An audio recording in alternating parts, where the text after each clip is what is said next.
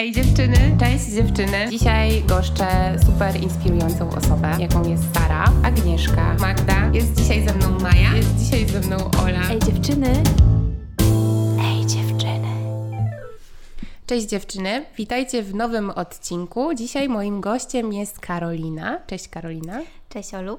Zaprosiłam Karolinę i bardzo się cieszę na ten odcinek, ponieważ y, my z Karoliną razem studiowałyśmy filologię polską. Prawda? A ja od dawna marzyłam stworzyć taki odcinek o książkach, o literaturze i potrzebowałam tej osoby, która ma trochę inne, inną perspektywę. Biblioteczną na przykład. tak, bo Karolina na co dzień pracuje w oddziale w Sopocie. No i ostatnio też tworzy taki super popularny cykl no, Osa, Pol... Osa Poleca, na który Was zapraszam. Znajdziecie go na profilu Sopoteki. Bardzo mi miło, że Karolina zgodziła się ze mną dzisiaj porozmawiać o literaturze i chyba tego nie robiłyśmy, co? Od dawna. Nie, nie, od bardzo dawna. W sumie chyba od czasów studiów, bo jak się spotykałyśmy e, tak po prostu, no to życie ma tyle innych aspektów, tak. które należy poruszyć, więc fajnie, że możemy pogadać też o książkach. Tak, e, no niestety, ale po studiach e, nagle się okazało, że życie właśnie to nie tylko literatura i książki, ale też randki, rozterki, praca i gdzieś tam rozmowy o literaturze zostały wyparte. No i dzisiaj e, cieszę się właśnie, że Karolina jest moim mm, gościem, bo Karolina no, jakbym miała powiedzieć w swoim życiu, kogo znam, kto czyta tak dużo książek i tak dużo po prostu y, włożył do swojej głowy, to byłaby to Karolina y, na piedestale mojego rankingu. Jestem tą osobą, która sobie dawkuje i Karolina to wie. I dzisiaj porozmawiamy w takiej kontrze, podejrzewam, bo ja nie przepadam za literaturą E, piękną i generalnie nie przypadam za formą powieści, opowiadań, mhm. E, a Karolina e, wie chyba o tym wszystko. No nie przesadzajmy, Olu, naprawdę, żaden ze mnie profesor, ale no czytać lubię. Na pewno duży wpływ na moje czytanie ma praca i nie tylko dlatego, że jestem bibliotekarką, ale właściwie od y, dobrych czterech lat dojeżdżam mm. z KMK-ami, więc mam idealne warunki do czytania, no bo w domu, jak wiadomo, zawsze mm. coś jest do zrobienia, a jak jadę sobie pociągiem, no to co innego mogę robić poza podziwianiem widoków, jak nie czytać. Ale nie przeszło ci, ja na przykład po trzech latach studiów, jeszcze ty robiłaś magisterkę, ja już nie, no to miałam taki moment, że już pomyślałam sobie, nie tknę żadnej książki przez najbliższy rok. Nie, co ty, ja, ja po zakończeniu studiów miałam... Yy dokładnie odwrotnie. To znaczy, mm -hmm. w końcu będę czytać książki, które chcę przeczytać, których nikt mi nie zadaje, mm -hmm. tylko po mhm. prostu robię to dla przyjemności. Kurczę, ale to jest ciekawe, bo y, z wieloma osobami z naszych studiów dalej mam, mamy kontakty i właściwie tak jak ich pytam, to każdy mówi, trochę wiecie, nie chcą się do tego przyznać, nie? No bo to tak trochę wstyd powiedzieć, że po filologii polskiej się nie chciało czytać książek już mhm. dalej, ale trochę tak było, że no przynajmniej z pół roku to tak, się, nie wiem, może przeczytałem jedną książkę i takie to było okej. Okay. mówiliśmy sobie to tak po cichu, żeby Po drugim piwku, jak tak. już można było powiedzieć coś więcej. Um, no tak, ale um, mi na przykład strasznie um, ciążyła zawsze ta forma powieści, opowiadania i ja nie ukrywam, że często egzaminy u mnie to było trochę kombinatorstwo na zasadzie może mi ktoś opowie, o czym była ta powieść albo opowiadanie, bo ja mam problem, ogromny problem z tym, żeby utrzymać moją uwagę w opowiadaniu i też mi się to wydaje takie wszystko zawsze wymyślone, nierealne. Nie warte Twojego czasu przez to? Może nie, że nie warte czasu, ale sobie zawsze myślę, bo my, my też studiowałyśmy e, filologię z filmoznawstwem, więc zawsze sobie myślę, a może oni nakręcą film o tej powieści. I wolałam czytać zawsze te opracowania na przykład na mhm. temat jakiegoś e, filmu, czy nawet te opracowania filozoficzne, e, w ogóle takie konkretne rzeczy, albo biografie. Mhm. No ale biografia to też e, zbiór faktów jakby na temat tak, czyjegoś życia, tak. historia o tym, co się faktycznie wydarzyło. Tak. No i ja na przykład y, uważam, że tam jest jakoś tak bardziej o człowieku, jakaś taka perspektywa bliższa mi, że ten człowiek jest z krwi i kości, on naprawdę żyje i on naprawdę pewne rzeczy zrobił i dokonał, a gdzieś czytając... Um, opowiadania czy jakieś powieści, to mam takie przemyślenia, że, hmm, że to nie jest prawdziwe i że to jest takie wymyślone, gdzie są prawdziwe, twarde dowody. Wiesz co, to bardzo ciekawe, co mówisz, bo... Y na początku marca, czy zanim zaczęło się to wielkie zamieszanie Mhm. z pandemią, e, miałam okazję prowadzić e, rozmowę, spotkanie autorskie z Anną Janko. E, To jest pisarka, która wychowała się na Brodwinie, gdzie znajduje się moja biblioteka. No i e, pani Anna Janko zasłynęła jako autorka wierszy, e, a potem napisała powieść. i Jej pierwszą powieścią była Dziewczyna z zapałkami, opowiadająca o Hance, która się zakochała, wyszła za mąż. E, no i pierwsze lata jej małżeństwa przypadły na czasy głębokiego PRL-u. No i ta książka była taka e, słodko-gorzka, bo to małżeństwo okazało się nie do końca udane. E, ona ostatecznie porzuciła męża, zabrała dzieci. Mm, Potem była kolejna część przygód Hanki, Pasja według świętej Hanki o romansie bardzo płomiennym. E, No i mm, na rzecz właśnie tego spotkania autorskiego mm, przypomniałam sobie te książki. No i zapytałam panią Annę, jak to jest? Czy w Hance jest trochę z niej? I pani Ania powiedziała mi coś, co trochę y, chyba zrujnuje Twój pogląd na y, powieści, że one są takie wymyślone, bo powiedziała mi, że żaden pisarz nie pisze w swoich książkach czegoś, czego nie doświadczył. Że właściwie każda postać, którą y, autor umieszcza w swojej książce, jest w jakiś sposób nim. Albo jest nim z przeszłości, albo jest takim wyidealizowanym obrazem y, tego pisarza, albo jest jakąś jego rozterką, alternatywą, albo są to po prostu konglomeraty postaci, których y, ten człowiek zna, które ten człowiek zna, Mm, ale że tam zawsze jest bardzo dużo prawdy i że jest naprawdę niewielu pisarzy, którzy potrafią sobie właśnie tak wymyśleć jakieś osoby, bo to jest bardzo trudne. Dużo łatwiej jest opracowywać w taki twórczy sposób to, co znamy. I właściwie taka literatura piękna dla mnie, e, zwłaszcza jak właśnie przygotowuję się do spotkań autorskich, teraz i pracy e, czasami mi się zdarza e, mieć takie przyjemne zajęcie, no to dla mnie to jest wielka frajda szukać właśnie takich tropów. No nie wiem, czytam na przykład wywiady z pisarzami albo e, jakieś tam takie fragmenty biograficzne, które kiedyś popełnili i szukam tych połączeń, tych powiązań e, z ich twórczością literacką. I tego naprawdę jest bardzo dużo. Jak jesteś takim uważnym, wnikliwym czytelnikiem, no to no to po prostu jest taka zabawa detektywistyczna. Może powinnam po prostu inaczej podejść e, do czytania, ale Może. Przy, dobra, przyznaję się, że miałam takich podejść kilka i e, prosiłam moją koleżankę Magdę, mm, z, z którą pracowałam, zresztą kojarzycie ją też pewnie z jednego z odcinków podcastu i Magda mi poleciła, bo ona kocha Miłosza, kocha, kocha Iwaszkiewicza, no i poleciła mi Miłość. Powiedziała, znaczy ja zauważyłam u niej na Instastory, bo ona tam bardzo często pisze o literaturze u siebie na Instagramie. I ja sobie pomyślałam, okej, przeczytam to i ona zobaczyła to na mojej półce, powiedziała, Ola, nie, od tego nie zaczynaj. Ja sobie myślę, okej, no przecież czytałam te książki te, te, po- podobnego rodzaju na filologii polskiej, że już bez przesady, że aż tak się nie cofnęłam i się śmiałam trochę z tego. E, A ona mówi, no nie, nie, to jest, to jest trudna i to nie jest jego najlepsza książka, jakby od czegoś innego zacznij. No i ostatnio stwierdziłam, że tak wszyscy promują książki króla, e, no i zamówiłam książkę, nie czytając generalnie o czym jest, po prostu... Króla w sensie Wojciecha, y, przepraszam, Szczepana Twardocha? Tak, tak. Tego od króla. Tak, przepraszam, w ogóle pomyliłam. Zamówiłam sobie tę serię jakby Mhm. e, książek e, Szczepana Twardocha. E, No i zamówiłam jakąś taką jego starszą książkę, bo stwierdziłam, że może to nie jest jeszcze najlepszy pomysł, żeby zaczynać od powieści, e, która się nazywa Jak nie zostałem poetą. Mhm. I byłam zachwycona, tylko niestety to była po prostu taka biografia, autobiografia jego, nie? W, w kilku opowiadaniach. I stwierdziłam, że Boże, znowu to robię, nie? znowu uciekam w totalnie inną literaturę niż chciałam spróbować. E, No i teraz na przykład e, czytam opowieści bizarne mm, Olgi Tokarczuk. Olgi Tokarczuk i, i bardzo mi się podoba i chyba e, te małe kroki tak stawiam w opowiadaniach, że to jest dla mnie fajniejsze, jest bo jest krótsza to Bardzo forma. dobry pomysł. I tak chyba bardziej się przekonuję, ale wciąż jestem serduszkiem przy tych wszystkich biografiach o muzykach, które przeczytałam, że Ale to są moje wiesz, ulubione to- książki. Nie jest coś, z czym się powinno walczyć, skoro wolisz biografię, literaturę faktu, no to jesteś w takiej szczęśliwej sytuacji, że teraz y, akurat ta gałąź literatury Mhm. bardzo prężnie się rozwija i takie wspaniałe reportaże można Mhm. przeczytać. E, co ostatnio fajnego czytałaś z reportaży? Może ja też sobie zaraz zacznę notować.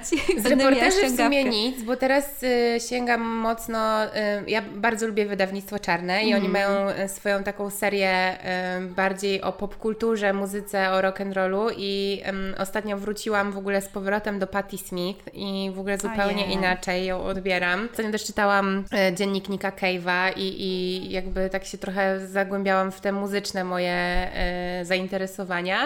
E, no i też się zdziwiłam trochę, bo pamiętałam, że czytałam Pociąg linii M jakoś, nie wiem, trzy lata temu chyba. Mm. I zupełnie inaczej odebrałam tę książkę niż ją odebrałam teraz, i w ogóle wtedy ona była dla mnie taka mocno melancholijna i taka smutna. A dzisiaj sobie myślę, y, może to też ten czas pandemii na to wpłynął, że to były takie retrospekcję. Właśnie w tej książce trochę nie wiemy, czy jesteśmy w przeszłości, czy jesteśmy w teraźniejszości tych opowiadań e, Patti, że ona tak skacze trochę. Tak, tak, bardzo. I, I sobie pomyślałam, że ona tak dostrzega te takie małe momenty swojego życia, nie? Że ona siada w tej kawiarni i opisuje pana kelnera, który zawsze jej podaje tą samą kawę.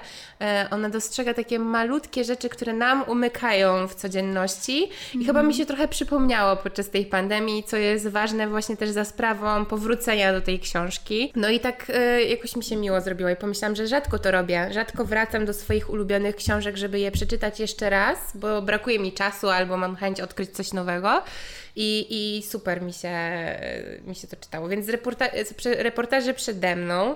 Ostatnio e, wyszedł chyba, może Ty mi pomożesz, bo mm, rozmawiałam o tym z Kasią, naszą też zresztą wspólną koleżanką ze studiów, e, że wyszły reportaże albo zbiór opowiadań. Chyba e, chodzi o nadzieję. Tak. Tak, to jest taki zbiór opowiadań i chyba też innych krótkich form autorstwa no, takiego zacnego grona pisarzy. Olga Tokarczuk między innymi tak jest wśród nich. I nawet okładkę grafik, e, który się podjął tego zadania, zaprojektował za darmo. I dochód z tej książki ma iść w całości teraz nie jestem pewna, chyba na szpitale geriatryczne albo y, domy opieki właśnie dla osób starszych. Na pewno chodzi o seniorów. Mhm. No i tak, myślę, że to jest taka książka, którą każdy po, powinien mieć na półce, żeby mieć tą swoją małą cegiełkę, jeżeli oczywiście może sobie pozwolić mhm. na taką formę pomocy.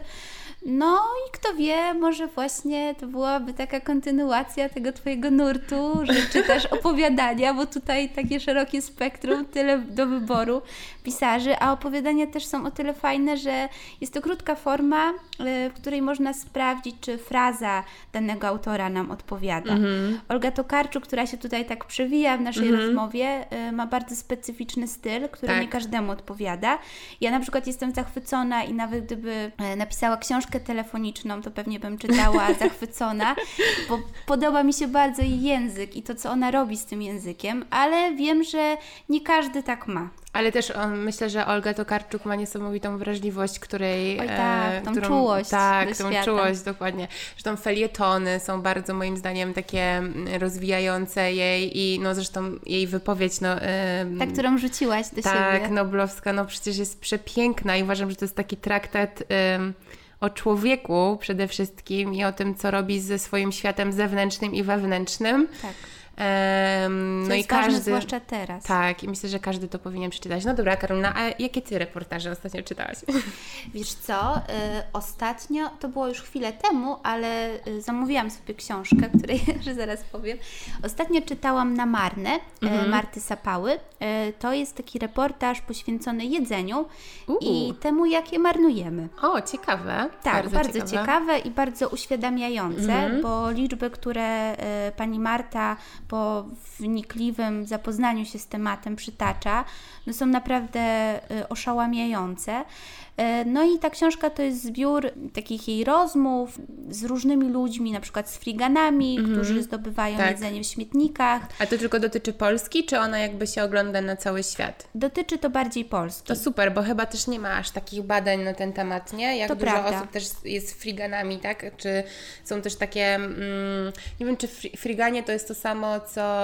Bo, bo wiem, że są osoby, które żyją jakby z tego, że. Mm, jak, znaczy, żyją z tego, że one zdobywają jedzenie mhm. e, właśnie grzebiąc po śmietnikach, ale są też takie osoby, które same nie jedzą tego jedzenia, ale mhm. na przykład pozyskują je dla jakichś ośrodków, dla jakichś miejsc, gdzie zostawia się właśnie jakieś banki żywności i tak mhm, dalej tak. do wykorzystania, więc też to się jakoś rozdziela, ale nie jestem teraz pewna, czy, czy to jest ta sama nazwa, czy to jakoś inaczej. I o, słuchałam takiego podcastu, może nawet go podlinkuję przy tym odcinku i byłam z, w ogóle ym, no, zaskoczona, jak dużo jedzenia jest marnowane tak, i tak. jak w ogóle dużo na przykład centrów handlowych zamyka nawet swoje śmietniki na kłódki, żeby mhm. nikt y, się do nich nie dostał. Dokładnie. Nie? Właśnie y, w tym zbiorze y, Marty Sapały jest też reportaż o bezdomnym mężczyźnie, który mm, zbierał jedzenie ze śmietnika jednego z dyskontów. No i zaczęło to przeszkadzać nowemu kierownictwu, więc założyli kłódkę.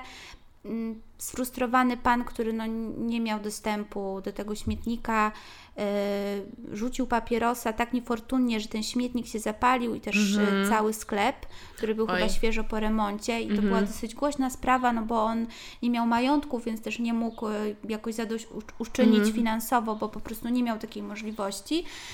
No ale tutaj widać bardzo dużo właśnie emocji, które mhm. wywołuje jedzenie i też o emocjach, o uczuciach ta książka jest. I mi się bardzo podobało właśnie y, takie szerokie spektrum różnych tematów, no bo mówimy o jedzeniu, tak? Czyli z jednej strony o czymś, co można sprzedać z zyskiem, na czym można zarobić, ale co czasami bardziej się opłaca wyrzucić niż mhm. na przykład oddać organizacji charytatywnej. Tak. No i tutaj też głośna sprawa pewnego piekarza, piekarza tak, tak, została poruszona. E, też zmiany w mm, prawie, które mhm. są od jakiegoś czasu. Znaczy teraz już jest tak, że na szczęście można oddać y, jakiejś instytucji czy bankowi żywności, tą żywność, która została albo, no nie wiem, jest na chwilę przed y, przeterminowaniem, y, także sklepom już się nie opłaca wyrzucać, tak? Już Ale to jest chyba... premiowane, żeby oddać raczej. No, no to aha, tak, to w zależności też nawet od chyba metrów kwadratowych, tak, tam tak, jest tak. jakaś taka ustawa, ale powiem Wam, że mimo wszystko ja akurat mam siedzibę swojej firmy przy jednej sieciówce znanej e, sklepów spożywczych i bardzo często jak idziemy koło koło ich śmietnika widzimy dużo palet owoców i mhm. warzyw i są zamknięte na kłódkę, bo już raz z moją koleżanką Majcią z pracy miałyśmy zamiar napaść na ten kubeł e, i odzyskać te palety, no bo to były normalne warzywa i um, owoce, które po prostu były, no nikt ich nie brał, bo były trochę obtłuczone. obtłuczone. E, zresztą fajną akcję, nie pamiętam czy to um, jakiś sklep spożywczy, może nie będę tutaj robiła reklamy, um, wieszał na owocach na przykład takie rysunki bananów, albo smutnego banana, że jestem trochę obtuczony, ale weź mnie, nie? Żeby, żeby nie zostawały te rzeczy, więc myślę, że to też jest super. Tak, pewnie. No i właśnie rozbudzanie świadomości. Tak.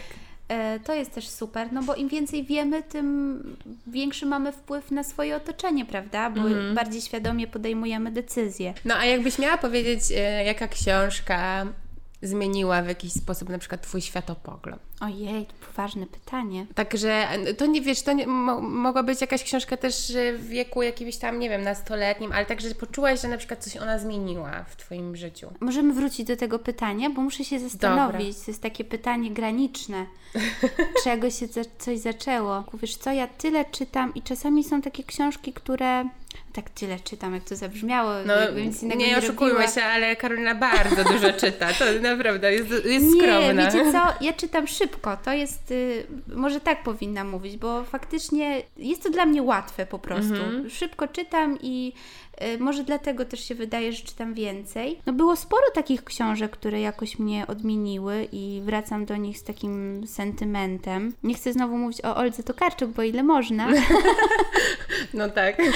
To nie jest odcinek sponsorowany. Nie, w żadnym wypadku. Nie, śmiejemy się, ale... Y, wiecie co? Jest taka książka, której sława już trochę może yy, przebrzmiała.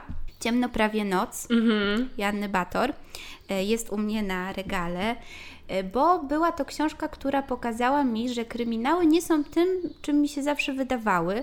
E, no teraz kryminały jakby nie muszą już e, się bronić, tak, mhm. bo wszyscy jesteśmy świadomi, że to też może być wartościowa literatura, że to nie są tylko takie tanie, sensacyjne czytadła w takich papierowych mhm. układkach tam za parę złotych sprzedawanych w kiosku, tylko że one mogą powiedzieć coś więcej, no i tutaj na pewno skandynawskie kryminały wielką robotę mhm. e, zrobiły, no bo to właśnie Skandynawowie, przepraszam, pokazali, że w kryminale można nakreślić ciekawy, ciekawe tło społeczno-obyczajowe, mhm. poruszyć jakieś takie bardziej ważkie problemy, na przykład, nie wiem, e, emigracja, tak, czy, czy imigranci, to jak sobie potem e, lokalni ludzie radzą z tymi nowymi mhm. wyzwaniami, które osoby z zewnątrz też przed nimi stawiają.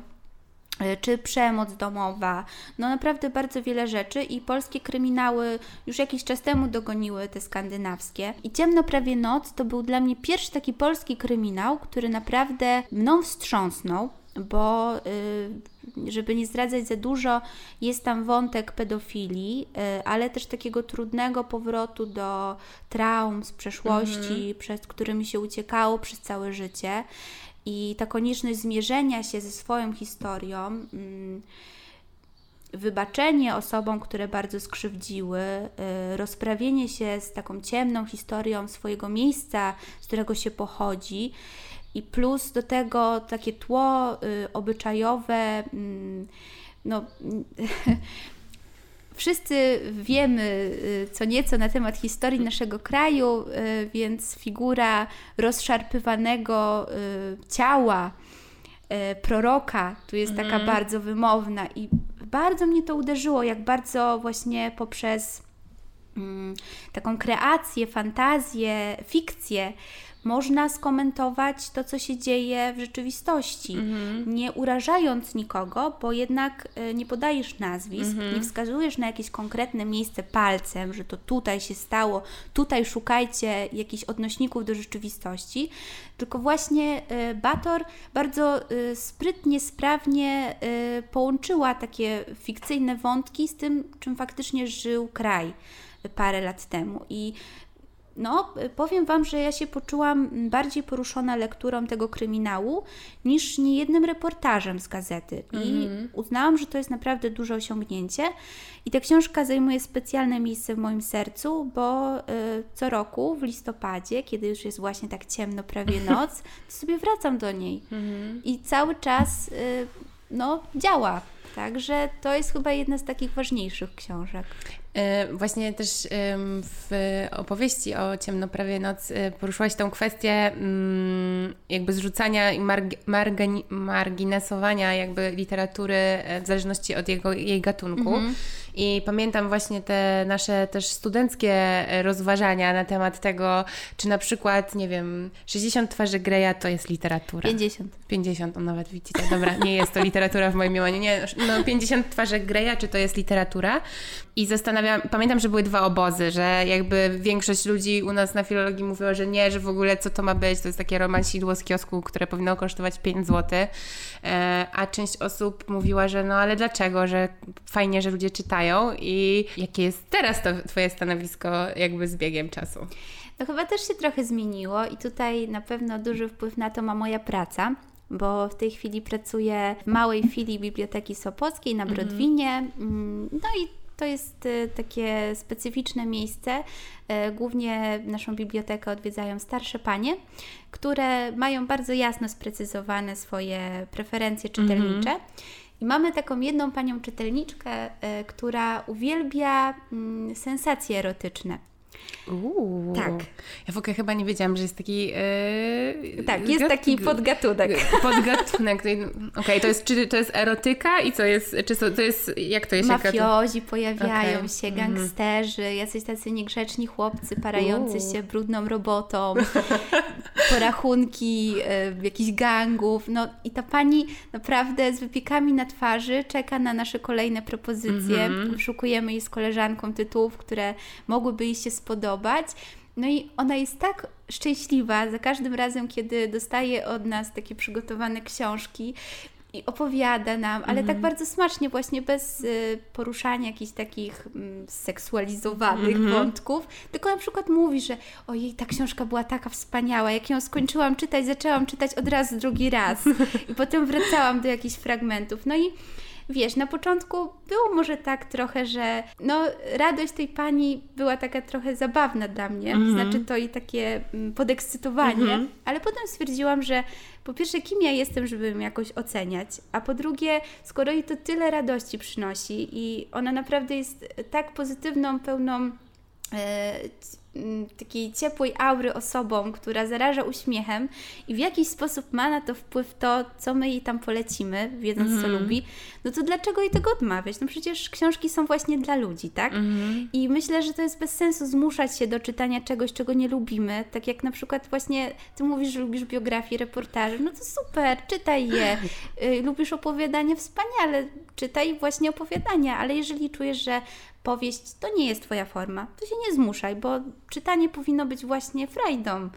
Tak, bo ja mam wrażenie, że y, właśnie czytając powieści się tak trochę zmuszam, wiecie, żeby się wczuć w te... Ja na przykład, to jest ciekawe, bo ja uwielbiam literaturę faktu i reportaże, tak, uwielbiam biografię, autobiografię, ale też kocham poezję i dla mnie na przykład... Y, Ścisłość formy. No Tutaj trochę- widzę taką tendencję. No trochę chyba tak. I ja tak sobie czasami skaczę, wiecie, z tego takiego życia i z takiego realizmu do tego baśniowego czasami dla mnie świata Ale poezja poezji. potrafi być czasem bardzo taka brutalna, namacalna. Tak, tak, tak. E, No ostatnio bardzo czyt- czytam e, sporo poezji po angielsku, więc e, też trochę inaczej odbieram w ogóle, mm, bo w ogóle uważam, że po- polska poezja jest trudna i że... Ja zgodzę się z Tobą, jest. Tak. Jest wymagająca dla czytelnika. Jest wymagająca, jest tam dużo intertekstualności, na pewno mi pomaga jakby to zaplecze takie, które mam po Wyniesione ze studiach, tak dokładnie, ale no nie chcę tutaj nikogo obrażać, jakby łatwiej mi się czyta e, literaturę po angielsku, może też brakuje mi jakichś odniesień intertekstualnych i czytam, wiesz, tą pierwszą warstwę i dlatego jest to dla mnie może trochę prostsze, A może chodzi o język? może tak, nie wiem, ale lubię właśnie skakać sobie od tej poezji do literatury faktu. E, no ale no, nie ukrywam, że uwielbiam wywiady rzeki na przykład. O super, co ostatnio czytałaś? Czytałam ostatnio wywiad z Rojkiem. E, I trochę mnie, znaczy nie jest, nie uważam, że to jest jakiś dob- jakaś e, super literatura i, i jakby mm, zadziwiło mnie bardziej to, jakim on jest człowiekiem i skąd on się wywodzi i tam było bardzo dużo o jego dzieciństwie, em, o właśnie relacjach z rodzicami, o tym, że e, w sumie on był sportowcem, takim tak. dobrze zapowiadającym się. I to Pływał mnie- bodajże, prawda? tak, tak. Więc mnie to mocno zadziwiło i pamiętam, że zrobiło to na mnie ogromne wrażenie, ale też y, nie dobrnęłam do końca tej książki. W pewnym momencie chyba już zaczęły się informacje i etapy z jego życia, które już znałam i stwierdziłam, że chyba okej, bo ja też lubię skakać. Mhm. Też jestem taka trochę niekonsekwentna w czytaniu, bo są osoby, które zawsze będą A do Z. od A do Z siedziały i czytały tę samą książkę, a ja mam, muszę mieć taką ochotę, nie?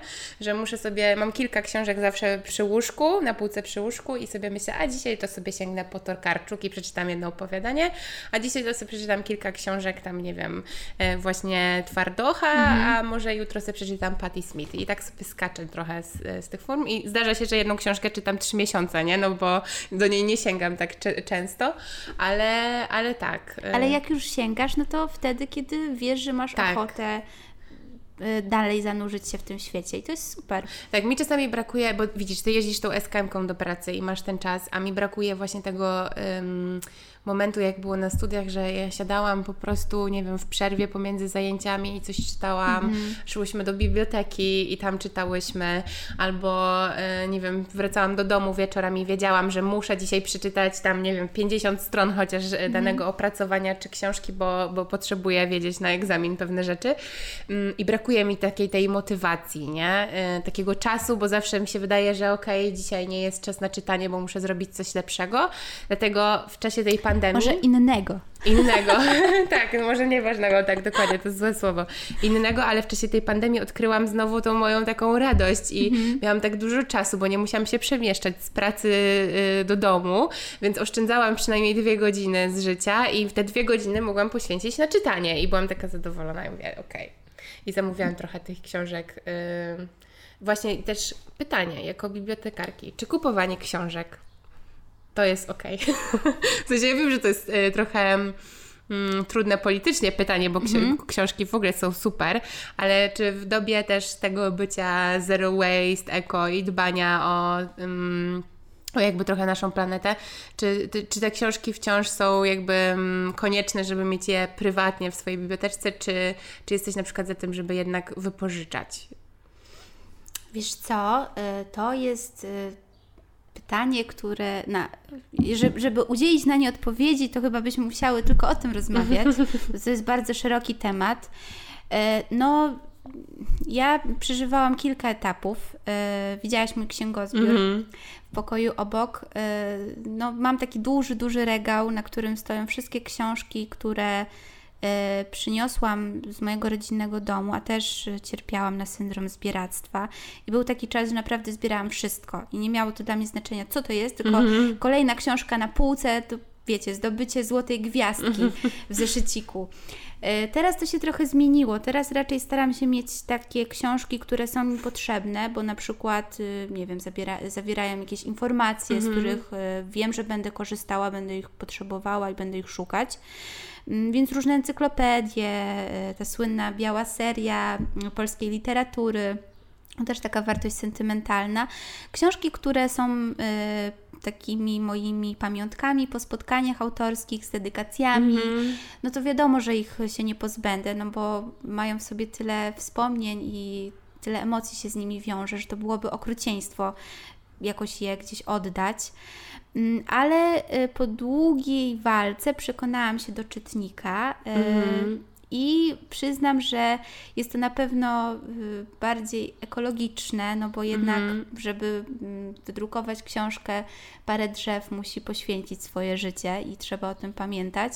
A czytnik jest bardzo wygodną formą, y, też jeżeli czyta się książki, które są takie obszerne, jak mm nie wiem, księgi Jakubowe, mm no to jeżdżenie SKM-ką z książką, która ma tysiąc stron, y, byłoby zabójcze, no bo wiadomo, że zawsze ma się jeszcze jakieś inne rzeczy. tak. I no w pewnym momencie... Pamiętam Karolinę, która jeździła z takimi książkami w torbie. No, no. niestety i mój kręgosłup do dzisiaj mi to wypomina. no ale to widocznie było coś, przez co trzeba było przejść, także mm, no widzę, że czytelnicy, zwłaszcza w tej mojej e, filii, nastawionej na osoby starsze, preferują papier. To jest mhm. ich ulubiona forma kontaktu z książką. E, no ale młodsze osoby, zwłaszcza teraz, kiedy biblioteki były tak długo zamknięte, nie tylko młodsze, e, więcej osób się przekonało do korzystania z księgarni internetowych czy bibliotek internetowych.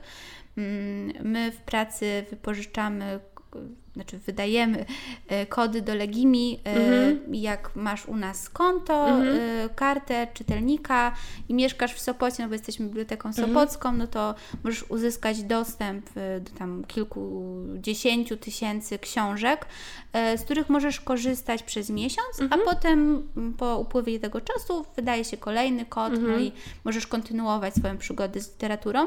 To też jest o tyle fajne, że y, możesz y, wybrać książkę, książki, na które może byś inaczej nie wpadła, mhm. bo nie wiem, nie znalazłabyś ich w bibliotece, nikt by ci ich nie polecił. To prawda, nie? Że gdzieś tam te, te, te, te strony nawet wydawnictwa, yy, różnych wydawnictw jakby tak ułatwiają ci ten wybór, nie? Że tak. też masz tam jakieś yy, cechy, powieści, czy tam, nie wiem, reportaże podzielone na gatunki, mhm. też na jakieś serie i czasami sobie myślisz, wow, że jakby, nie wiem, twój pisarz coś wydał, bo czasami się też nie słyszy o tym, nie? Tak, oczywiście. Nie możemy przecież być na bieżąco ze tak, wszystkim, to jest tak. niemożliwe. Albo czasami, no też nie oszukujmy się, wybieramy rzeczy po okładkach mhm. i też to przyciąga, jak jest to zdjęcie na tej stronie i łatwo dostępne i możesz zobaczyć, więc faktycznie coś w tym jest, że, że internetowo ułatwia, chociaż ja, no mam z tym problem taki, że siedzę dużo w telefonie, siedzę dużo w komputerze ze względu na swoje jakby zawodowe um, kwestie i jak mam mieć ten czytnik, to bardzo mi się to kojarzy z, dalej jakby z pracą, z pracą i, i, jakby czuję, że to um, jakby że nie, nie potrafię się odciąć, że ten czytnik dalej jest dla mnie jakąś formą telefonu, nie wiem jak to nazwać. No tak, jasne. Kolejne nie... elektroniczne tak, urządzenie. Tak, tak samo nie staram się, kiedyś czytałam książki przed snem E, w łóżku leżąc e, i staram się już tego nie robić, bo e, no, żyję dosyć intensywnie i wtedy kładąc się i zaczynając czytać dwie, dwie strony, ja zasypiam, bo jestem po prostu zmęczona. I ta książka zaczyna mi się kojarzyć po prostu ze spaniem, z tym mm. takim rytuałem, że ja siadam i, i to już mój jest czas, ja już jestem gotowa, żeby w sumie zasnąć i później się budzę z tą książką gdzieś tam pod bokiem, się okazuje, że przeczytałam marne półtorej strony, um, więc teraz mam bardziej tak, że sobie w ciągu dnia siadam siadam na mojej sofie i odpalam sobie herbatę czy kawę i zaczynam wtedy czytać, bo wiem, że to jest taka czynność, że jestem nastawiona na te informacje, a nie na to, że za chwilę będę spała, nie? Mhm. No tak, oczywiście. Miejsce, w którym się czyta, czas, y, kiedy się to zaczyna robić, to wszystko ma znaczenie. Ja na przykład y, biorę książki do łóżka tylko wtedy, jeżeli, nie wiem, zostało mi 20 stron do przeczytania. Mhm i po prostu no, chciałabym już skończyć, albo jestem tak ciekawa, co będzie dalej, że nie zasnę. Mhm. Ale jeżeli czytam jakiś kryminał, to nie ma mowy w ogóle. Znaczy nie ma po prostu sensu zabierać tej książki do łóżka, bo ja i tak będę, nie wiem, do trzeciej nad ranem czytała, żeby się dowiedzieć, kto zabił i o co w ogóle chodziło w tej intrydze.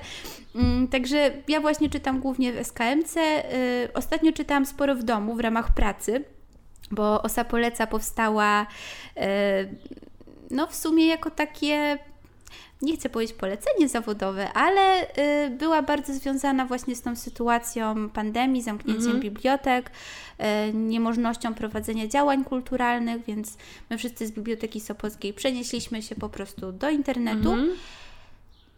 No i teraz chyba znowu to się zmieni, bo już nie będę czytała w domu, ale chyba w pracy, bo kolejny odcinek będzie już nagrywany w bibliotece właśnie, jako że wszyscy mhm. wróciliśmy do pracy, także miejsce nagrywania odcinka też się zmieni. No ale mam nadzieję, że popularność i odbiór y, nie ulegnie zmianie, że jednak mimo wszystko, mimo że mam wrażenie, znaczy mam, mam nadzieję, że nie wrócimy do czasów sprzed pandemii. I tutaj, żeby mnie ktoś źle nie zrozumiał, jakby fajnie, że wracamy do kontaktów społecznych, ale mam też wrażenie, że wielu osobom się dużo przewartościowało w głowie o, i tak. gdzieś tam inaczej patrzymy na ten świat i, i dał, ten czas nam dał bardzo dużo czasu do przemyślenia i też do zrozumienia, co jest tak naprawdę ważne w życiu. I chociaż y, pewnie ludzie będą chodzić do biblioteki, to mam nadzieję, że jednak będą też zaglądać internetowo na OSE, mm, albo może niech przychodzą poznać osobiście Zapraszam na Brudwino. A powiedz Karolina, jakbyś miała powiedzieć takiej osobie, która, młodej osobie albo um, takiej, która po prostu chce zacząć swoją przygodę z czytaniem, bo nie wiem, nie jest jej jakoś tak no, blisko do tych książek, to co byś poleciła na pierwszy taki rzut? Młodej osobie? Mhm. Na przykład młodej dziewczynie. Wiesz co, chyba bym poleciła Wiedźmina. Naprawdę? Mhm. No, Zaskoczyłam Cię. Na maksa, bo no, no okej. Okay. Chyba muszę się wytłumaczyć. Tak. E, mam teraz taki e, projekt rodzinny, że tak mm -hmm. powiem. To znaczy, e, no przez to, że w czasie pandemii nie można było się spotykać nawet z rodziną, z którą się nie mieszka w mm -hmm. jednym domu, a chciałam mieć kontakt z moim bratem, to wymyśliliśmy, że on będzie czytał codziennie rozdział, jeden rozdział najpierw Hobbita, mhm. a potem Władcy Pierścieni.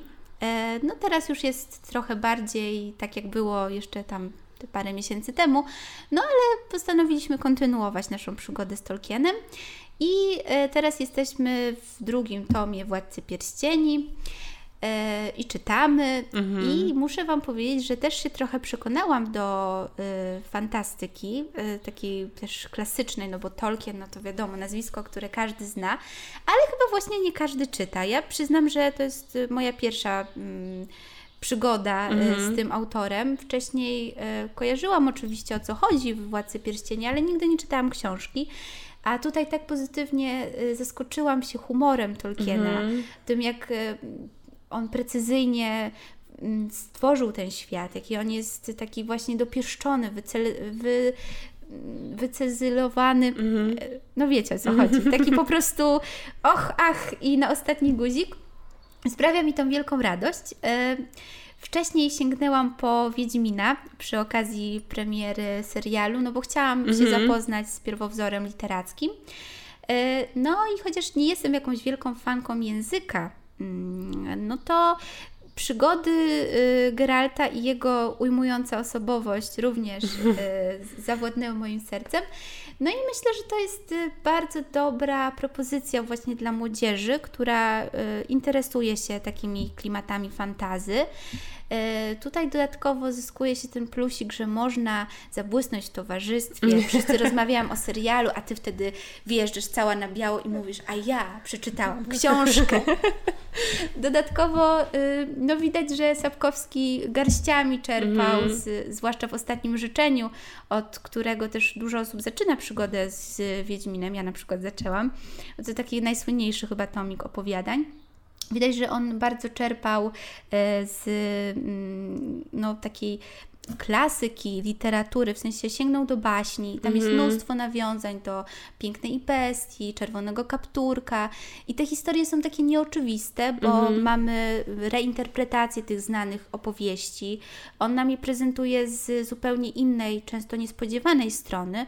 No i mamy różne takie dylematy moralne i te mhm. opowiadania mogłyby się wydawać takie właśnie nie wiem, wydumane, tak, fikcyjne, wymyślone, no poruszają takie kwestie naprawdę warte namysłu i to zostaje w człowieku. I myślę, że jeżeli młodej osobie zaproponowałoby się coś takiego, co raz jest interesujące, dwa ją wciąga, mhm. a trzy skłania jeszcze do rozmyślań, no to czego chcieć więcej? Wszystko naraz, w jednym pakiecie, ale ostatnio a propos Tolkiena, bo y, ja osobiście nie czytałam, no bo cóż, nie mogłabym przeczytać fantazy, jak mi jest ciężko przeczytać powieść. Y, no niestety jestem bardzo słaba. Ja nie lubię fantastyki, nie, mogę pooglądać... Y, mogę pooglądać jakby e, filmy, bardzo to lubię, bardzo mi się to podoba i bardzo szanuję wszystkich scenarzystów, e, reżyserów, w ogóle Tolkien, no jakby wład seria Władcy Pierścieni jest niesamowita. I akurat tak się złożyło, że podczas pandemii razem z przyjaciółmi e, oglądaliśmy mm, ostatnią część no i była, i była już ta, był ten moment, kiedy Frodo miał wrzucić pierścień e, do, um, przypomnij mi jak się nazywało, do tej... Góra przeznaczenia. Do, tak, jak już stoi na tej skale i ma rzucić ten pierścień, no i moja przyjaciółka Magda mówi do mnie, Boże, tak mnie irytuje, y, że ten pierścionek jest złoty, że, że ta obrączka jest złota, a ten naszyjnik jest srebrny, jak już by nie mogli zrobić tego razem. A ja siedzę i mówię, strasznie mnie irytuje, że o taki kawałek pierścionka jest taka afera w ogóle wszędzie. Na co mój przyjaciel Mateusz mówi, Bibi, ty chyba nie słyszałaś o zaręczynach. I tak mi się akurat przypomniało a propos tego. To, to kolejna reinterpretacja. Dokładnie. Chyba trzeba zrobić e, taki jakby cykl e, pod tytułem Zaręczyny w konwencji Tolkiena. Myślę, że to by mogło być interesujące. Oj, spokojnie. Na Kaszubach e, jest taki ośrodek mm, Góra Hobbitów chyba się nazywa. Tak? Coś z hobbitami w mhm. nazwie, tak? I para założyła to miejsce najpierw dla siebie. E, mhm. Ze starych opon zbudowali pierwszą norkę Hobbita, taką wiesz, z okrągłymi drzwiami, mhm. taką właśnie filmową. E, a teraz to jest już większe, jest więcej tych norek i słyszałam, że można tam zorganizować przyjęcie weselne i dzieciaki przyjeżdżają też na mhm. Zieloną Szkołę, odkąd Super. Hobbit z lekturą. Super. Także z literatury można czasem wyżyć, jak widać. O, no to ja mam kolejne pytanie dla Ciebie. Um, powiedz mi, gdybyś mogła zadecydować, żeby jakaś pozycja pojawiła się w kanonie lektur, na przykład w gimnazjum, znaczy już nie mamy gimnazjum, w podstawówce, jakby te 8 klas. Wiesz co, spytałabym dzieciaki. Mhm. Najpierw bym, y, jeżeli miałabym podjąć taką decyzję, to chciałabym najpierw ich posłuchać yy, i dowiedzieć się, co lubią czytać, bo mm. odkąd y, pracuję w bibliotece, naprawdę nauczyłam się pokory do literatury dziecięcej. Yy, jak zaczęłam pracę, to się okazało, że ja w ogóle nie mam pojęcia mm. o tym, że nie wiem nic bo zatrzymałam się właśnie na takim etapie lektur szkolnych. Mhm. I ja byłam w o tyle dobrej sytuacji, że mi dzieci z Bulerbyn i Ania z Zielonego Wzgórza bardzo się podobały. I też czytałam trochę, jeny. Ale, Ale... zatrzymałam się na tym etapie. No właśnie, większość z nas tak ma. O ile nie ma własnych dzieci. Ten, no. no. E, I nam to wszystko bardzo dużo mówi, bo mamy do tego sentyment, mm -hmm. tak? Mhm. Wspominamy z uśmiechem na twarzy, ale są osoby, dla których to była katorga i które tak. wspominają to jako no, po prostu jakaś, jakąś formę przemocy, że trzeba było to mm -hmm. czytać, a to było takie nudne i nieciekawe. I jestem przekonana, że wiele dzisiejszych dzieci może uważać podobnie. Mhm. Mm, no i w mojej bibliotece mm, urzędowanie mhm. zaczęłam od porządków. E, no i mm, no niestety usunęłam wiele takich e, książeczek, e, nie wiem, z wierszami polskich poetów, po które dzieciaki nie sięgają, mhm. żeby zrobić miejsce na przykład na przygody skarpetek. Mhm.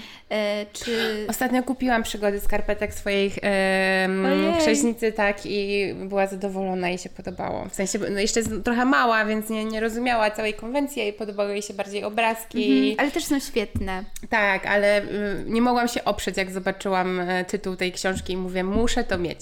No i przygody skarpetek są lekturą. Mhm. No i myślę, że właśnie takie powinny być lektury. Y, nie powiem Ci, co powinno być, no bo nie wiem, ale mhm. myślę, że dzieciaki by wiedziały. Więc warto by je zapytać, żeby lektura szkolna przestała się kojarzyć z jakimś takim okropnym obowiązkiem, do którego siada się z płaczem.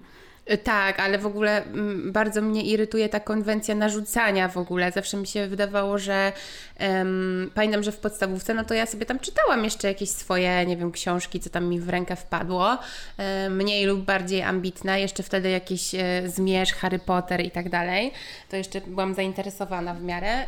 Um, no, ale pamiętam, że bardzo żałowałam, że nie ma okazji jakby o tym porozmawiać. Mhm. Jakby, że... Nie było miejsca na to Tak, i było mi przykro, bo y, wiedziałam, widziałam na przykład, że moje koleżanki też się tam zaczytują e, w te opowiadania czy tam książki i nie mamy możliwości porozmawiania tak na forum, że mm -hmm. może byśmy coś więcej wyciągnęły z tego, może byśmy nawet um, poszły w jakiś trop konkretnej literatury i się tam zachłysnęły i powymieniały, że brakowało takiego kółka trochę literackiego, gdzie moglibyśmy się wymieniać, a też nauczyciele nie byli zainteresowani, a jak już później byłam w liceum, to pamiętam, że przyszło pierwsze zdarzenie z potopem. Z, Ojej.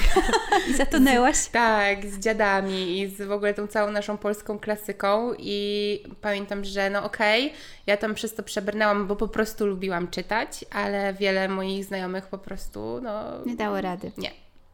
Nie, i w ogóle y, obrzydziła, y, tak naprawdę te pozycje obrzydziły im w ogóle czytanie, nie? Mm. No tak, no niestety lektury szkolne wiele osób tak skrzywdziły. I myślę, że na pewno dałoby e, radę wymyślić coś, co byłoby jakimś kompromisem, tak. że mm, pozwalałoby uzyskać wiedzę na temat e, jakichś takich kluczowych dzieł w naszej historii e, literackiej, ale też nie sprawiło, żeby odrzucać książki ze wstrętem, no bo mm. wspominasz ten nieszczęsny potop, tak, jaki mm. był okropny. Ale ja tak też myślę, że mm, to jest też e, to, o czym Ty powiedziałaś, że skoro ja lubię literaturę faktu i lubię opowiadania, autobiografię, to powinnam to czytać. I to jest coś, jest w tym jakaś racja, ale jest też coś takiego, co zostało mi narzucone, myślę, właśnie przez te lata czytania, mm. przez edukację, przez szkołę tam średnią, tak, i, i studia, że jakby warto sięgać do tej literatury pięknej, bo ona tak rozwija Twoją wrażliwość i to wszystko. Ale ta literatura rozwija No oczywiście, że tak. I, i pamiętam nawet e, ostatnio jak się widziałyśmy, a to był jakiś, nie wiem, czas temu chyba z pół roku albo może i dawniej, no niestety tak, to mówiłam Ci, że bardzo żałuję, że nie mam tej wiedzy o świecie teraz, mhm. którą mogłabym mieć w trakcie studiów, znaczy, że jakby, że teraz nie dane mi jest czytać tych wszystkich lektur od deski do deski, które miałyśmy na studiach, bo ja szczerze mówiąc połowy z nich nie rozumiałam. Nie byłam w stanie się w, jakby wczuć właśnie w te emocje, w doświadczenia e, tych bohaterów, e, czy nawet w ogóle filozoficznie do tego podejść, bo nie rozumiałam tego. Mój, mój mózg był jeszcze wtedy na tyle niewykształcony, niedojrzały. Właśnie ja jeszcze... na innym etapie życia Tak, dokładnie. I pamiętam, że to sprawiało mi ogromną trudność, żeby zrozumieć mhm. najzwyczajniej w świecie. I Chyba tak samo mają właśnie dzieciaki z lekturami, tak. prawda? Bo no my jesteśmy po filologii, mm. nie wiem czy się ze mną zgodzisz, ale ja na przykład czuję ogromny sentyment na widok tych białych encyklopedii literatury mm. polskiej, e, przez które tam mozolnie się przedzierałam, mm. mhm. ucząc się do egzaminu, czy patrząc na zbiór dzieł zebranych mm. Mickiewicza. No ale to dlatego, że właśnie na studiach były te opracowania, były dyskusje, było mhm. pochylenie się nad zagadnieniem, razem z nakreśleniem sytuacji autora, kiedy tworzył swoje dzieło, zrozumieniem tych wszystkich e, konfliktów historycznych, Tak. które się wtedy rozgrywały, jaki to ma niebagatelny wpływ na y, to, co tworzył. No a będąc, no nie wiem, w ósmej klasie szkoły podstawowej, no co ty z tego zrozumiesz? No nawet jeżeli... Jakieś y, symbole, takie podstawowe no rzeczy. hasła, chyba, nie? po Hasła, prostu no. tak, to co Ci się przyda na klasówce i właśnie nie chodzi mi o to, co zapamiętasz, ale co zrozumiesz. Mhm. No wydaje mi się, że no takie dzieci y, 13-letnie nie zrozumieją za wiele i to nie chodzi o to, że są głupie, broń Boże, tylko po prostu no mają prawo tego nie rozumieć, bo to Ale- jest dla nich abstrakcja Tak, jeszcze. ale mi się chyba też wydaje, że to jest kwestia podejścia, bo ja pamiętam, że no, nauczyciele też byli em, zamknięci w takim, no niestety, schemacie. schemacie i kluczu, który został narzucony, tak? Przy, na przykład w przypadku nauki do matury. Ja pamiętam, że ja pisałam pracę e, samodzielnie mm, w całości, jakby ja ją napisałam, ale opracowywać jakby elementy i kwestie do danego tematu pomagała mi taki, taka pani e, nauczycielka, do której chodziłam na korepetycje, bo ja pisałam maturę rozszerzoną. E, I ja pisałam akurat ym, o toposie Teatru Mundi. E, więc jakby dużo było tam takiego filozoficznego ujęcia i No pamiętam, tak, że wzięłam na warsztat lalkę. Rzecki. I, tak, y, lalkę i, i cały teatr. I pamiętam, że to był pierwszy mon- moment, w którym tak bardzo akademicko mogłam rozłożyć całą powieść na etapy. I jakby nie było tam tylko to, co jest mi potrzebne do matury o Wokulskim, tak, jakieś takie podstawowe rzeczy, pozytywistyczna praca u podstaw, tylko nagle mogłam się skupić na jakichś innych elementach, które w ogóle wychodziły poza ten kanon. I wtedy poczułam, że w tych książkach zawsze jest coś więcej niż to, co my mamy e, na zajęciach. I nawet na studiach Niejednokrotnie mi się zdarzało tak, no bo ja w przeciwieństwie do Karoliny czytałam dosyć wybiórczo e, lektury e, i pamiętam te momenty, kiedy na przykład czegoś nie przeczytałam, bo nie wiem, nie chciało mi się albo po prostu to olałam i potem siedziałam e, i z wypiekami na twarzy słuchałam, jak moje koleżanki z grupy opowiadały o, o danej powieści i o tym, co się w ogóle za nią kryje i mówię, no nie, biegnę do domu i muszę to przeczytać. I to właśnie było też super, to takie zarażanie siebie wzajemnie To prawda. jakby tą pasją albo coś, czego ty nie zauważyłaś czytając, Mhm. zauważyła twoja koleżanka i nagle ci się w ogóle zmienia cała tak. perspektywa. Jak tak o tym mówisz, to mi się przypomniała sytuacja e, na studiach magisterskich, mm, kiedy rozmawialiśmy o takiej powieści Madame. Mhm. Pamiętam, że ona mi się bardzo nie spodobała. Znaczy, przeczytałam ją do końca, ale z jakąś taką złością, bo nie byłam zadowolona y, z decyzji bohatera.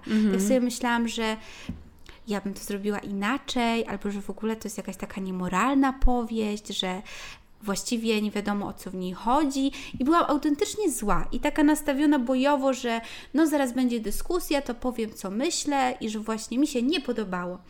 I mieliśmy zajęcia z to był wtedy doktor Dąbrowski, teraz już pewnie profesor, który y, świetnie potrafił wyczuć nastroje w grupie i tak pokierował dyskusją, że właśnie te wszystkie nasze argumenty, bo nie byłam y, osamotniona w tej mojej takiej y, pełnej ataku y, Postawie. bojowej postawie.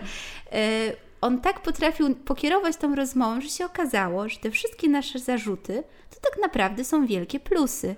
Tylko wszystko zależy od tego, z jakiego punktu widzenia się patrzy na sprawę. I okazało się, że nas to wszystko tak bardzo drażni, bo ta książka jest właściwie o nas, o młodych ludziach, którzy no, często popełniają różne głupie rzeczy i potem ciężko im się jakoś do tego przyznać albo zająć takie uczciwe stanowisko wobec swoich zachowań. No i chyba o to właśnie chodziło. I jeszcze jestem pod wrażeniem, a już parę lat minęło, jak on właśnie zręcznie potrafił obrócić te emocje. Mhm. No i właśnie to chyba też jest to, o czym mówiłaś wcześniej, że tak dużo zależy od podejścia nauczyciela, bo nawet Tak. jeżeli coś się nam wydaje nudne, no nie wiem, ten nieszczęsny pan Tadeusz, tak? Mhm. A gdyby właśnie, nie wiem, nauczyciel sobie zadał trud i pokazał nam, że tutaj chodzi właśnie o to, co przemija i nie wiem, odniósł sytuację w panu Tadeu, e, z pana Tadeusza do naszej sytuacji, kiedy siedzieliśmy w domu i nagle zaczęliśmy doceniać tak to wszystko, co wcześniej było codziennością, a teraz nie mamy do tego dostępu. Czy to by nie było ciekawsze?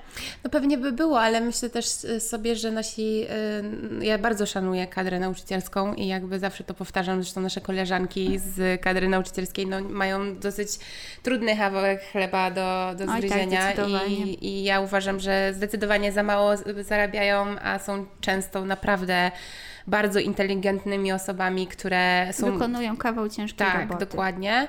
I przykro mi się patrzy też na, na dziewczyny, które skończyły specjalizację nauczycielską, wykształciły się w tym kierunku, a często zmieniają y, swój wymarzony zawód na coś innego, bo po prostu ciężko jest im wyżyć z tego, co, mhm. y, co proponuje nasze Ministerstwo Edukacji. Ale też sobie myślę właśnie, że często one są po prostu zamknięte w takich ramach, nie? że nawet gdyby chciały w jakiś inny sposób podejść do, do, do tematu, zwłaszcza w tych takich e, szkołach no, średnich, podstawowych, to nie mogą, bo boją się, że nie nauczą tych dzieci według tego klucza. Mm, tak. e, jednak na e, studiach była ta akademicka dyskusja, która pozwala na więcej. Tam nie masz trochę takich e, granic, dopóki ci profesor nie wyznaczy pewnej granicy i tego, o czym chce mówić i o czym jest dana książka, z tego co pamiętam też trochę.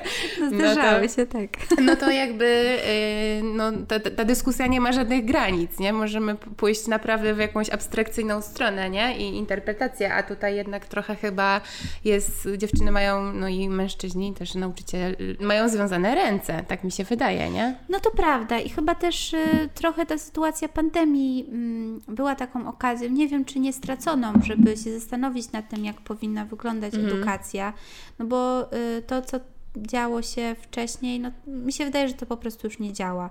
To mm -hmm. jest taka, takie szkolnictwo z XIX wieku, gdzie masz e, nacisk na daty, wydarzenia.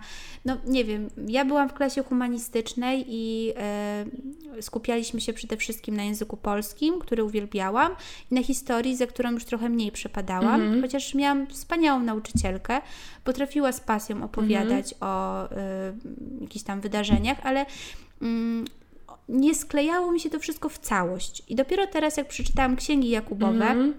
to Karczuk oczywiście, e, które opowiadają o frankistach. Mm, akcja się dzieje w XVIII-wiecznej e, Rzeczypospolitej, konglomeracie narodów, różnych e, religii, spojrzeń na świat i to jest właśnie moim zdaniem to powinna być lektura w szkołach, chociaż no, może ktoś by mnie teraz chciał powiedzieć, bo tysiąc stron, stron, jak można to kazać czytać dzieciom, ale w tej no, ale książce... z drugiej strony, jak można kazać czytać dzieciom potop, no albo właśnie, nie wiem, krzyżaków, dokładnie. albo ogniem i mieczem, które jest napisane takim językiem, które nawet nie rozumieją, nie? No, a tutaj mamy noblistkę mhm. Y, i ona też opowiada o takich y, wydarzeniach, o których mało kto wie, no bo y, Jakub Frank nie jest chyba postacią powszechnie znaną, mhm. a to mhm. był żydowski taki mistyk, alchemik, który potem przeszedł na islam, a potem dwukrotnie przyjął chrzest jego ojcem chrzestnym był król Polski, także no naprawdę mm postać wielkoformatowa,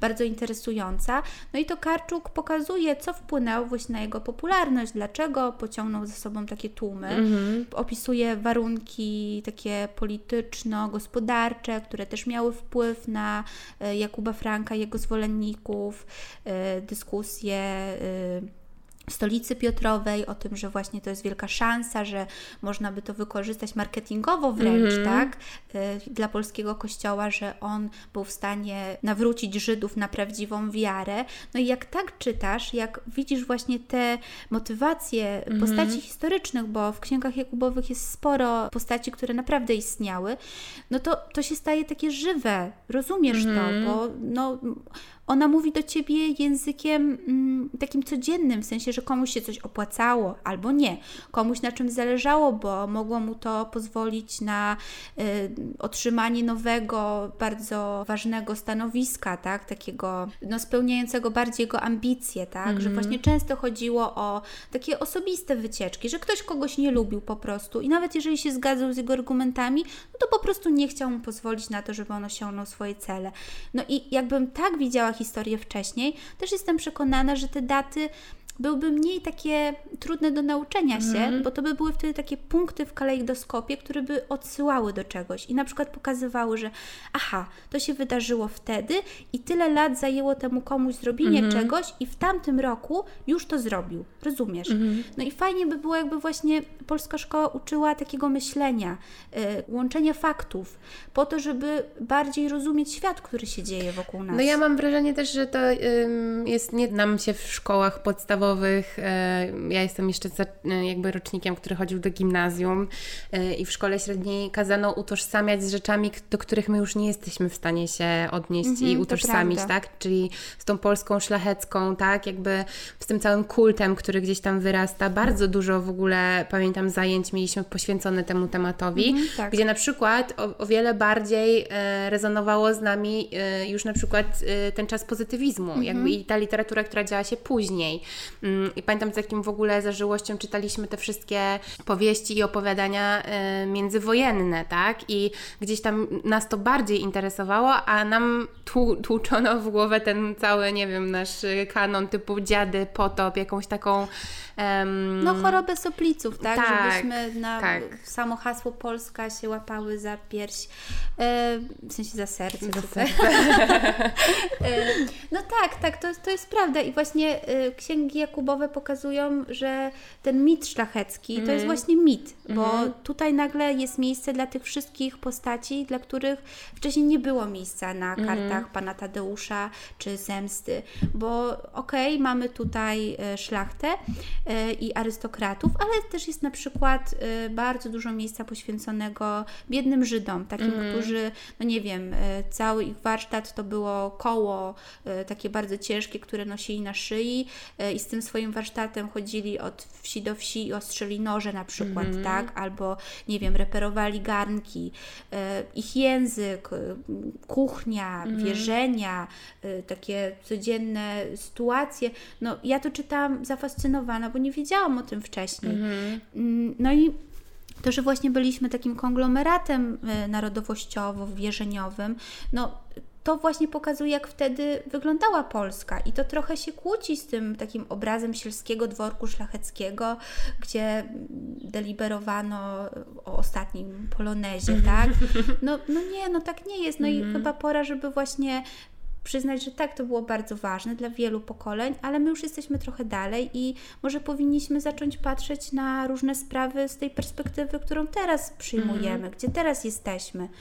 No i właśnie bardzo bym chciała, żeby ten czas pandemii, kiedy tak jak mówiłaś, e, była okazja, żeby się zastanowić nad różnymi rzeczami, też pokazał, że no, powinien się zmienić kanon lektur, e, lekcje powinny wyglądać inaczej. Y, Teraz w czasie pandemii no, siłą rzeczy wyglądały inaczej, no bo nie wiem, nauczyciele nie mieli chociażby tablicy w domu. No można się śmiać, ale no to na pewno miało duży wpływ na to, jak musieli tak. prowadzić zajęcia, prawda? Wyobraźcie sobie teraz e, mojego przyjaciela, mama jest WF-istką i musiała zorganizować zajęcia online, jakie to jest w ogóle wyzwanie i na początku się tego bardzo bała, potem było ekscytujące, ale nagle się okazało i to jest w ogóle też ciekawe, że zawsze się mówi, że pewnych rzeczy się nie da zrobić, Mhm. bo to jest za dużo roboty, bo to trzeba by było to i tamto, a nagle przez miesiąc, niecały nawet, bo Trzeba było trzeba było przeorganizować całą pracę. Y, Wielu nauczycieli musiało się nauczyć trochę obsługiwać komputer na nieco innym poziomie niż zazwyczaj muszą to robić.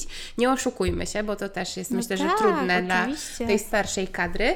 I nagle się okazało, że oni umieją to robić i e, że Mają oni dużo potrafią. pomysłów. Mają dużo pomysłów.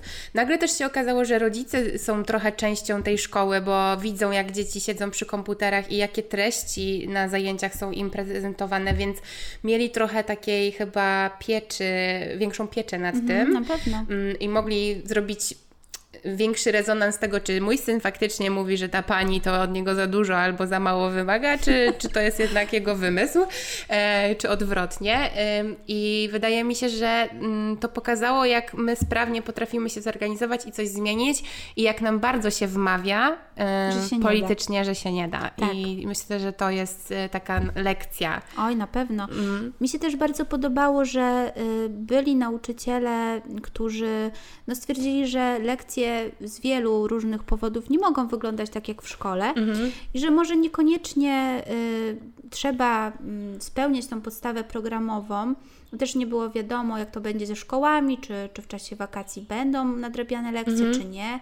No i stwierdzili, że y, dzieciom na pewno brakuje rozmowy o tym, co czują. Mhm. I y, wiem, że było sporo takich nauczycieli, którzy po prostu swoje lekcje zamieniali w takie no prawie że sesje terapeutyczne yy, i takie pytanie, jak się czujesz, co u Ciebie, yy, jak sobie radzisz z sytuacją, mm. tak, jakie to jest potrzebne, mm. bo myślę, że w wielu domach nie było rozmów na nie. ten temat. Może były kłótnie, może były jakieś takie yy, niefajne sytuacje zakończone trzaśnięciem drzwiami, ale my raczej nie umiemy rozmawiać o emocjach, a to jest tak potrzebne. I y, bardzo podobał mi się projekt naszej koleżanki mm. ze studiów, która jest nauczycielką i która zadała swoim uczniom e, taki telefon do mm. osoby ze swojej rodziny, który miał na celu mm, rozpoczęcie rozmowy o jakiejś takiej najważniejszej sytuacji w życiu tej osoby, mm. albo o jakimś takim trudnym wspomnieniu, które mm. jednak udało się przepracować i mhm. czegoś nauczyło. No i ona zrobiła bardzo prostą rzecz. Kazała zadzwonić do członka rodziny ale no, z tego co widziałam w internecie, to mm, naprawdę przyniosło nieoczekiwane skutki. No i ludzie też byli bardziej bliżej siebie. Mm. Wnukowie się dowiedzieli, e, jakie burzliwe życie mieli ich dziadkowie albo inni członkowie rodziny. Mm. No i się okazało, że kurczę, my jesteśmy ciekawymi osobami, że rozmowa u babci nie musi tak. być nudna, tylko że ja mogę siedzieć i nagle patrzę, o, minęły dwie godziny, muszę iść do domu na obiad, tak? Rozumiesz, o co mi tak, chodzi? Tak, ja to zawsze powtarzam, że zresztą po to też powstał podcast yy, i, to, i to, to był mój punkt odniesienia, że zawsze uważam, że mamy wśród siebie i wokół siebie chociaż jedną ciekawą osobę, mm. która mhm. ma bardzo dużo ważnych rzeczy do przekazania nam, tylko jest kwestia tego, jak my na to patrzymy i jak jesteśmy w stanie no, zajrzeć w głąb yy, i czy jesteśmy w stanie dać tej osobie jakby przestrzeń do powiedzenia tych wszystkich tak, rzeczy. Właśnie, nie? to chcemy jej słuchać. No. E, Karolina, nasz odcinek dobiega końca i ja coś tak czuję, że to nie będzie ostatni odcinek z cyklu Osa Poleca i rozmowy o literaturze, bo bardzo nam się fajnie rozmawia. Ale to na koniec zawsze odcinka proszę mojego gościa albo gościnię, żeby przekazała coś od siebie. Ej dziewczyny, czytajcie to, co lubicie. Nie dajcie sobie wmówić, że coś, mówi, e, że coś musicie, albo że książki, które lubicie czytać, są niewystarczająco ambitne, czy musicie się ich wstydzić. E, myślę, że czytanie powinno przynosić frajdę. Bądźcie odważne i przekraczajcie granice te swoje własne na początek. Mm, no i korzystając z tego, że Ola dała mi tutaj e, głos, to chciałabym bardzo serdecznie pozdrowić moich rodziców, e, którzy bardzo mnie wspierali w całym tym projekcie, a zwłaszcza mojego tatę, który jest moim największym fanem i zawsze, naprawdę, zawsze udostępnia wszystkie zdjęcia i o. filmiki. To jest bardzo kochane. Dziękuję. E, ja sobie bardzo mocno biorę do serca słowa Karoliny i przestaję się wstydzić tego, że nie przepadam za powieściami. No i bardzo słusznie. Jej! E, I mówię to na głos z pełną odpowiedzialnością i również pozdrawiam Twoich rodziców. Dzięki Karolina. Dzięki Ola.